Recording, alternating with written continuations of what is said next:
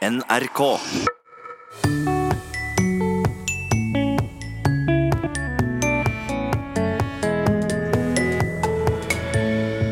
Er du klar for en dose latinsk grammatikk? Det er jo naturlig i språkteigen å være innom grammatikken. Ja, Enda så Ja. vanskelig det er, så ja. Nei, det er, kan jo ikke si det.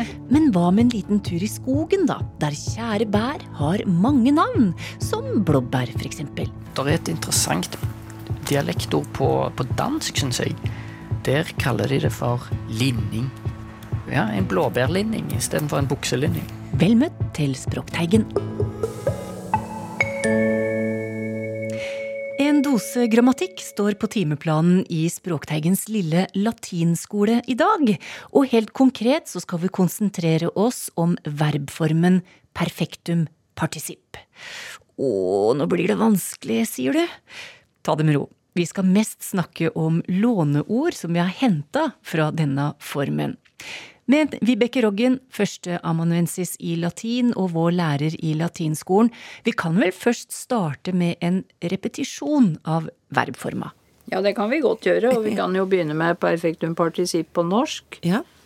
Hvis vi sier eh, kjøpe, kjøper, eh, kjøpte, kjøpt, så er den siste formen perfektum partisipp. Ja. Altså å kjøpe infinitiv, kjøper presens, kjøpte preteritum og kjøpt perfektum partisipp. Da har vi friska opp litt fra norsktima på skolen, og så kan vi bevege oss over i latin. Da kan jeg jo først si hva de to ordene betyr, da. Ja. Ja. Perfektum betyr fullført. Av perfikere, verbet, og fullføre. Og perfektum er i seg selv et perfektum partisipp. Ja. Fullført. Ja. Og ordet partisipp kommer av det latinske particeps, eh, et todelt ord. Der det første kommer av ordet pars. Det er på engelsk blitt til part, og da har vi den t-en. Det betyr en del. Og den andre delen, den keps-delen, kommer av ordet kapre og ta. Så ta del, altså. En deltaker. Så det norske ordet deltaker er et oversettelseslån fra latin. Partikeps. Hva er det denne deltakeren refererer til, da? Ja, det er flere måter å forklare dette partisip, den deltakerdelen, på, men eh, for å få en eh, perfektum på norsk eller på norsk, ja, eller på latin i passiv, så trenger man et hjelpeverb. Og eh, da bruker man har eller er. Har kjøpt. Er spist. Så da er jo den kjøpt og spist en deltaker i den hele formen. Det fins andre måter å forklare det på. Det, jeg skal ikke påstå at dette er historisk eh, måten å forklare det på. Det er i hvert fall en måte å forstå det på. Ja.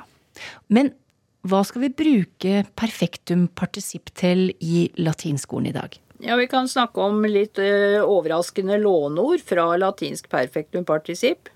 Låneord i norsk. For eksempel, ja, vi var jo på perfektum.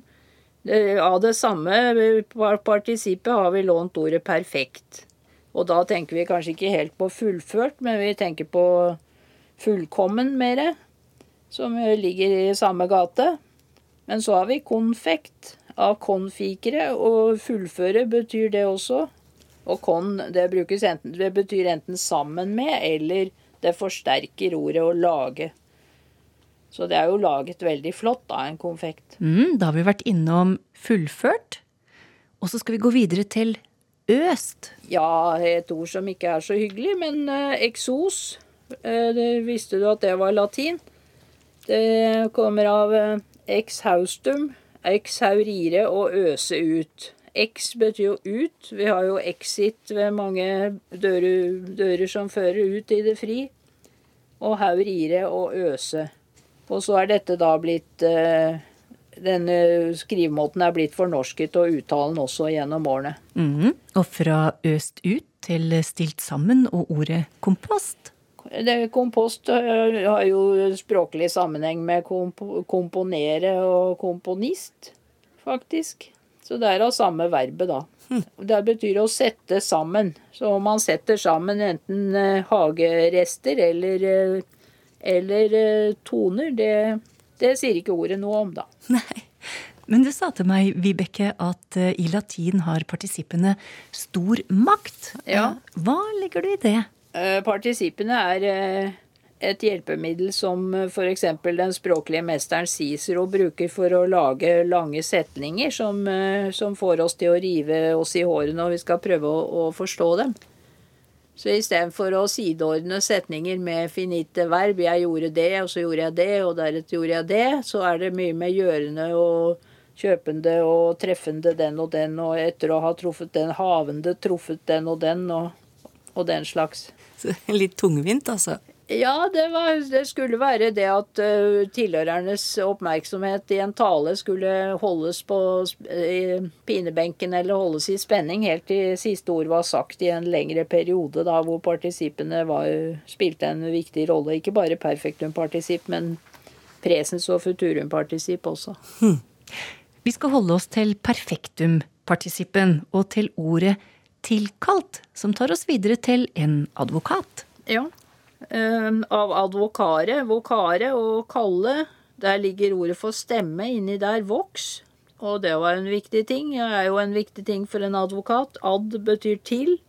Så eh, advokatos er en som er tilkalt, og da for å bistå en eh, eh, person som trenger hjelp i forbindelse med en rettssak. Mm, Og noe som har ført, bringer oss til akvedukt. Ja, det er jo bare litt forandret fra latin. Aquae ductus. Eh, En ledning for vann. Der ligger ordet dokere og føre. Eh, Vi har jo eh, il duce har vi jo av dette ordet dux og dokere. Og aqua, akevitt for eksempel. Vannforsyningen til Roma eh, og i, hele Romerriket var imponerende. Og eh, ved akvedukter eh, som kunne gå hvilevis av sted med hårfint beregnet fall. For det kunne jo ikke være for bratt, for da pøste jo vannet over kanten. Og ikke for flatt, for da kom det jo ingenting. Så eh, man kan jo se sånne akvedukter i forskjellige deler av det gamle Romerriket. Eh, Den første akvedukten, Aqua Appia, ble anlagt i 312 før Kristus. Eh, Det fortelles om Augustus, som jo var eh, keiser rundt Jesu tid. Han figurerer jo i juleevangeliet. Og en gang klaget folk over mangel på vin, og at vinen var så dyr. Så svarte Augustus, som selv var en nøysom herre, hvis vi skal tro hans biograf. Min svigersønn Agrippa har sørget for at folk ikke tørster ved alle akveduktene han har bygget. Så klag ikke over at vinen er dyr, dere har vann. Ja.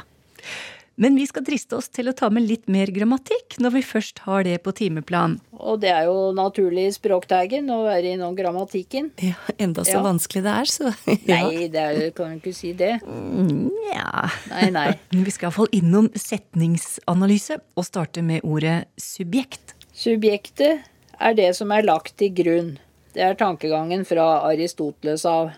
For her er vi fra det greske hypokeimenon.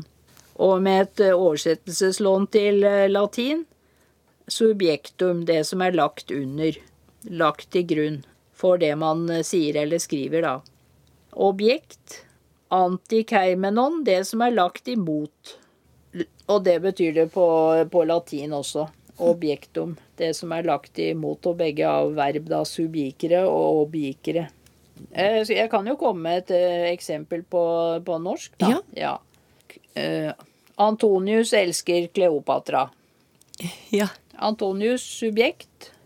Elsker verbal. Kleopatra direkte objekt. Jeg tror det holder med setningsanalyse nå, jeg. Vi kan jo ta predikat også, da. Det er jeg jo veldig glad i i undervisningen min, for det er jo så mange som ikke har fått med seg fra skolen. Da lærer jeg jo studentene mine predikativsangen, som jeg selv lærte på skolen sånn i niårsalderen, tror jeg. Og du har en sang. Jeg har jo en sang. Vi får høre. Ja. Være blidhete synes kalles, være blidhete synes kalles, ja, uselvstendige verb er de, og de kan ikke ha noe objekt, nei, de kan bare ha predikativ. Veldig bra, Vibeke. Skal få litt applaus av meg her. takk for det. Vi skal ikke si så mye mer om predikativ, Vibeke, men heller avslutte med et par låneord igjen. Og vi begynner med suksess. Ja, Eller som noen uh, uttaler det, suksess. Mhm. Så da den formen må være lånt inn via fransk, vil jeg si, med den y-en. Uh, av sukedere å rykke frem eller ha fremgang. Så da er det altså i perfektum partisipp uh, etter å ha hatt fremgang. Og så til slutt til noe som har falt. Med andre ord kollaps. Ja, det er litt annerledes verb som bare har passive former. Grunnverbet er labi og gli, og av det har vi labilis, som er blitt til vårt labil, altså ustabil. Stabil kommer av å stå, så det er noe som kan stå, men labil er noe som kan gli. Og kollabi kan eh, gli i hop, falle i hop, falle sammen. Kollaps i perfektum particip kollapsum. Da håper jeg ikke at uh, lytteren har kollaps av å høre om all grammatikken. Det skal mer til for de tøffe lytterne, skal det ikke det? Jo, jeg tror det. Ja. Takk til deg, Vibeke Roggen, førsteamanuensis i latin ved Universitetet i Oslo.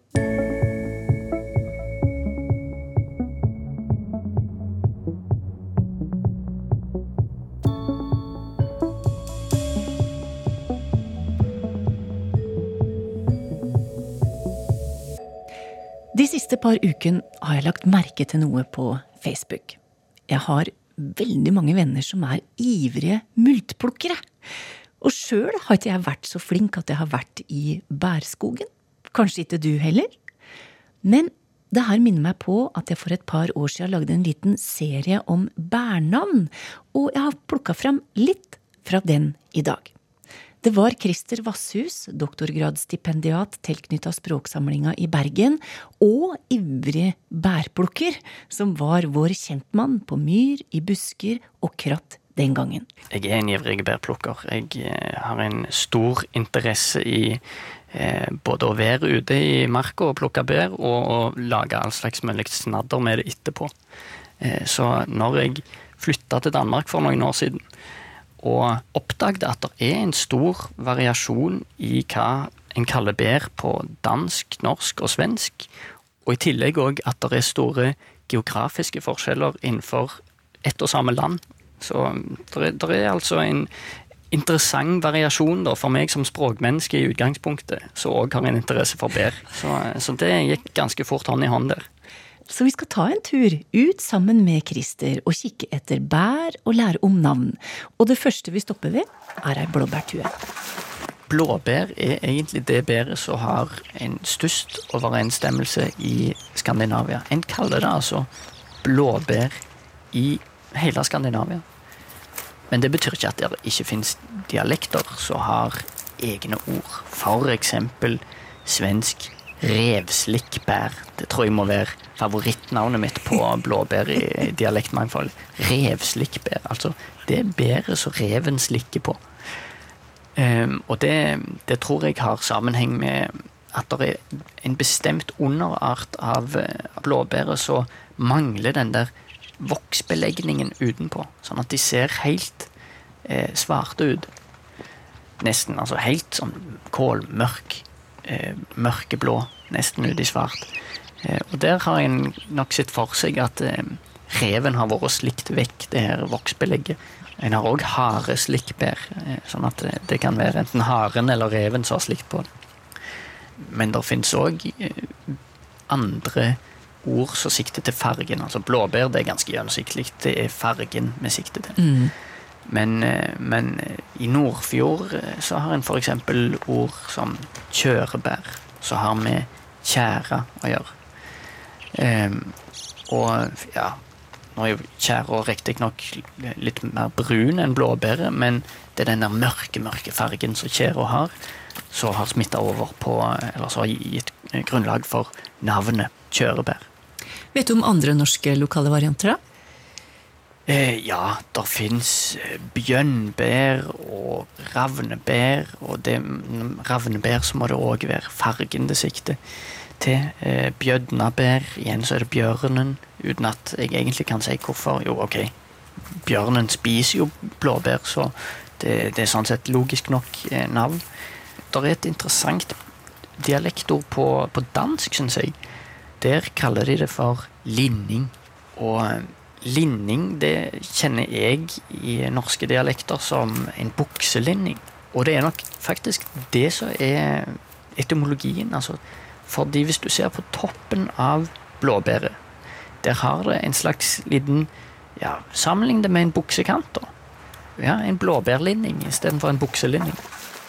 Vi skal kikke etter ei anna bær som mange må ha til kjøttkakene sine, f.eks. Nemlig tyttebær. Ja, og um, tyttebæret er Altså i, i norsk så kan det bli kalt tyting og tyta. Ordet tyte, det er et ord for en liten klump. Eller en liten knute. Eh, og, og det er altså ganske mange ord som har å gjøre med utseendet på bæret. Altså ofte har det å gjøre med at det er noe som svelger opp, eller eh, trutt, trutner. Altså vokser og blåser seg opp. Eh, og tyttebær og tyting, det er et eh, godt eksempel på det. I svensk så har vi jo lingon. Ja, det er det jeg kjenner det som. Ja, lingon og lingbær og lyngbær. Forleddet er lyng. Så, eh, så det svenske navnet betyr altså ja, Opprinnelig så er det bare en flertallsform av lyng. Og det er faktisk sannsynligvis lingon som har eh, vært utgangspunktet for denne ånd-endelsen. Der ånd opprinnelig da var en flertallsform, sånn som i øgon og øron, der det gikk over til å bety bær. Eh, altså mange bær. Eh, og så smitta over som analogi på andre bærnavn. Eh, sånn at en har eh, slinnon og lingon osv. Smultron og hallon. Ja visst, ja visst. Så lyng, altså. Og litt òg farge. Altså eh, rødbær og surbær blir det òg kalt. Og i, i dansk òg kaller en det tyttebær. Hva med bringebær, da? Bringebær eh, i norsk blir stort sett kalt bringebær. En kan òg bare kalle det for bring, eller villbring, gjerne. Første leddet der, bring, det har sammenheng med det som blir i engelsk så kaller de det for brambles. Det er liksom en overbetegnelse over den type bær, altså bjørnebær, bringebær og boysenbær osv. Og, og rota i det ordet, det er bram, som har å gjøre med torner. Det betyr altså tornebusk. Eller torner, egentlig. Så her har vi snakket om et bær som er kalt opp etter planten det vokser på. For det, bringebærplanten har, som da sikkert mange kjenner til, noen ganske små, kvasse torner. Mens i, eh, i svensk, der en eh, ofte kan kalle det for hallon, der er det to mulige tolkningsforslag, sånn som jeg ser det da. Altså Enten så har det sammenheng med eh, et ord som betyr stein, og det må komme av at de vokser på sånn steinete marker, eh, åpne marker med stein, så det er et lavt næringshold i jorda. Der vokser bringebær veldig fort fram. Men det kan òg ha eh, sammenheng med ordet helning, altså en bakke. Eh, og det òg igjen har med voksested å gjøre. Altså de, de vokser fram i grøfter og bakker som ligger brakk ei stund. Og så var det dansk. Dansk, ja. Himbær. Og det er altså et mystisk navn. Himbær. Hva er dette him? Eh, det staves riktignok hindbær. Ja. Og hind, det er et annet ord for kolla, altså eh, hjortedyret. Hukjønnet på hjortedyret. Ei hjortekolla. Ei hind. Hvorfor har en oppkalt et bær etter et dyr som ikke er spesielt glad å spise dette bæret? Det, det syns jeg er litt mystisk.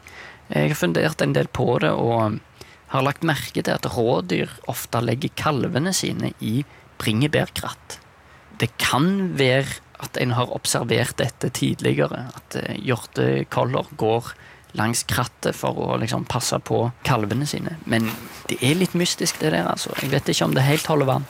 Og så var det denne multa, da. Ja. Det er òg et bær som har ganske stor dialektvariasjon. Det norske ordet molta, eller multa, det har sammenheng med det engelske ordet to melt, altså verbet melt, og melta, som òg var et eh, verb tidligere i, eh, i vår språkhistorie.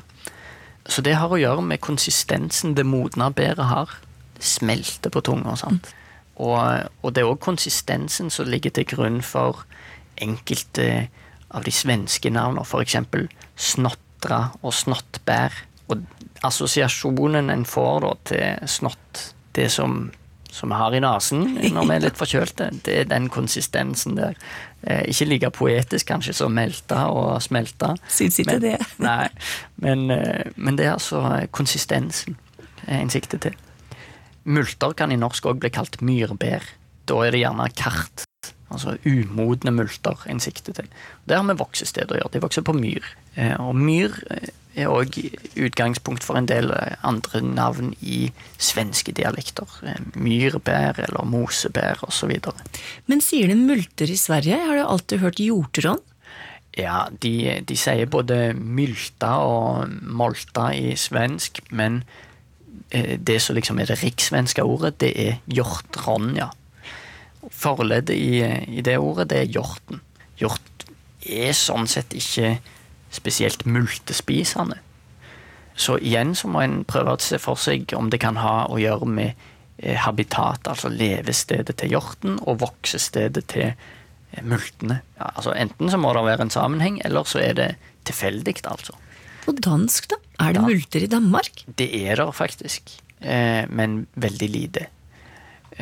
Men multer er likevel et, sånn et, et av de tre bæra som har eh, naturlige konserveringsmidler som har gjort at en har brukt det i Kanskje ikke som eksportvare, men iallfall som proviant på skip. Eh, og i dansk så har en faktisk lånt det fra ja, Om det er norsk eller svensk, det kan være litt vanskelig å si, men det er iallfall et lån fra nordskandinavisk. Så de kaller det multer, eller multebær, i dansk òg. Det sa bærplukker og språkforsker Christer Vasshus, som tok oss med ut i bærskogen.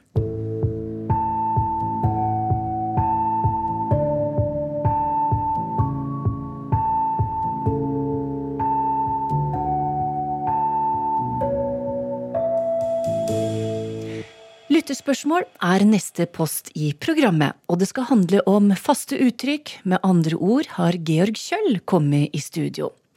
Og Asbjørn Finnholt spør vi har et uttrykk vi bruker når det er noe vi ikke har fått med oss. Da sier vi nei, det har gått meg hus forbi. Hvor kommer dette uttrykket fra, spør han. Ja, han, eh, han, foreslår at det betyr at eh, det er noe man ikke har eh, fått med seg. Så han svarer på spørsmålet. Har fått med seg akkurat dette, i hvert fall. Ja. Men det som er litt interessant med dette uttrykket, er jo at det ikke er, det er Dette er jo ikke den opprinnelige betydningen. Så her har vi et uttrykk som har endret seg litt over tid. Oh, ja. Fordi å gå meg hus forbi, det huset det er snakk om her, er faktisk et, en brikke, eller et kort, i et kortspill som, som heter Gnav som, som, fortsatt spilles i dag. Eh, hvor hus er et kort som eh, utgjør eh, en sitte som bestående av det som kalles matadorer da, i, i, spillet. Og Der har du en gjøk, og du har en dragon, du har en katt, og så har du en hest i tillegg til huset. Og så har du i tillegg til matadorene så har du noen tallbrikker og en pottebrikke og en uglebrikke. Så det er litt sånn uh, esoterisk uh, spill. Og, og, gangen i spillet og hvilke brikker man ender opp med, avgjør om man får beholde innsatsen. Og så, øh, og så har disse kortene, da, har, eller brikkene, har ulike funksjoner. Da har du en sånn serie med setninger da, som, som, som man må lære seg som, som, en del av spillet, og som, øh, og som endrer, endrer, gangen i det. Gjøken er det mest verdifulle kortet. Og hvis noen ber om å få bytte et kort, og noen sitter med gjøk, så sier man 'stopp for gjøk', og så avbrytes runden. Mens du sitter med den nest beste brikken, som er dragonen, så kan du si 'hugg av'. Du har en kattebrikke, og du har også hest eller hus. Og hvis du blir bedt om å bytte, og du sitter med hest eller hus, så kan du si hest forbi, du sitter med hest. Eller, ja, her har vi da nøklene, hus forbi. Da går turen forbi deg, da, så melder du pass. Akkurat. Eh, så litt sånn lang, eh, lang forklaring på noe som er veldig, veldig konkret, når man først vet, eh, vet, svaret.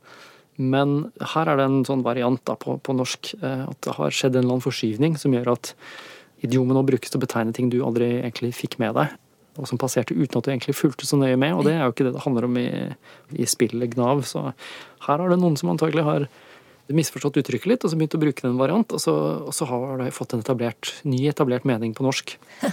Men på dansk så snakker vi om å melde hus forbi som å melde pass. Så man kan si eh, hva gjelder eh, spørsmålet om eh, nye sykkelveier, så må jeg melde hus forbi. Okay. Så her ser vi at den opprinnelige betydningen har, har blitt beholdt. Da. Men på norsk så har uttrykket fått, fått et litt nytt, nytt liv. Når skjedde det omtrent, da? Vet du det? Nei, det er litt vanskelig, litt vanskelig å si. for vi kan jo finne, kan jo finne uttrykket i skrift langt, langt tilbake, men det er litt sånn, en litt sånn subtil forandring som har skjedd. Så det er litt vanskelig å tidfeste akkurat når man begynte å misforstå det på norsk. Og det har jo skjedd muntlig sikkert først, og så har det etablert seg litt etter hvert da, på, på skrift, den nye varianten. Men uh, det er helt klart skille mellom dansk og, dansk og norsk på dette her. Altså, du, kan ikke si, du kan ikke si at uh, det gikk meg hus forbi på dansk i den norske betydningen. Da, da forstår du ingenting. Du forstår mest sannsynlig ingenting uansett, uh, men i hvert fall ikke hvis du sier at det gikk meg hus forbi. Men gamle uttrykk er jo vanskelig å forstå og få til, og vi ender opp med å gjøre feil, da. Både bevisst og ubevisst. Og en måte vi gjør, er at vi forlenger dem. Ja, eh, og dette er et eksempel på, på noe som er morsomt med en del faste uttrykk. at de det er litt vanskelig å vite nøyaktig hva det betyr, men det kan også være litt vanskelig å vite eh, hvor de stopper. Hva er ett uttrykk, hva er flere uttrykk, og hva, vi har tidligere snakket om eh, folk som tuller med uttrykk som en sånn humoristisk effekt. Eh, og Blant annet Øystein Sunde har gjort dette her en del av sine låttitler. Men vi finner, en, vi finner en variant av Hus forbi i jazzensemblet Helge Lien-trio sin låt 'Gå mann av huset forbi'. Som er et sånt sammensetning av to, to, ulike uttrykk, hvor selvfølgelig dette er gjort bevisst. men på et eller annet vis så, så er det en feil som, som, som gjøres, dette her, da. Og eh, ja, det er, altså, det er, det er endeløst med sånne kreative, kreative avarter som, som, noen gjør bevisst, som et sånt humoristisk grep, mens andre bare rett og slett eh, blander de, fordi det, det, er så fort gjort når man har tilsvarende ord, eller de samme ordene, i, samme, i litt nærliggende uttrykk. Så du kan snakke om å være i den syvende himmel og helvete. Eller en veldig vanlig variant, da, gå som smurt hakka møkk, som mange også bruker som sånn humoristisk eh, grep. Men jeg har også vært borti feilen legge siste hånd på kronen på verket. Eh, eller få noe banket inn med teskje, som er å få noe banket inn eller få noe inn med teskje. Og det handler jo handler veldig mye om det samme, så det er ikke rart man, eh, man eh, blander de. Nei, og denne måten å blande dem på mener du mangler en fagterm. Og du mener den termen kunne være skjøtede idiomer? Ja, for altså, det er ikke noe etablert fagterm. Eh, men jeg foreslår eh, at man, man innfører en fagterm for det. Fordi det er altså såpass vanlig, eh, og det, er, det skjer så ofte. Og det er et, et fenomen som, som er utslag av både misforståelse, men også språklig kreativitet. Altså, da syns jeg det burde vært et faglig uttrykk for det. Så jeg syns dette er kan vi godt snakke om som skjøtede idiomer. Det er ikke sånn kjempe kjempecatchy, kanskje, eh, som fagterm, men eh, vi kan jo i hvert fall snakke om at folk som er opptatt av å finne disse Jeg, jeg har en samling av, av, disse som jeg gjerne vil ha, ha innspill på. Så, så hvis folk, folk, har det, så kan man jo omtale seg selv som en skjøtejeger eller, eller, eller, eller noe tilsvarende. Eh, og, og, sende det til meg. For ja, det, som et språklig fenomen så er det fryktelig interessant. Takk til deg, Georg Kjøll, som svarte på lytterspørsmål i dag. Du kan òg sende spørsmål til Språkteigen via e-post. Adressa er teigen-nrk.no Og med det sier jeg takk for i dag. Vi høres om ei uke.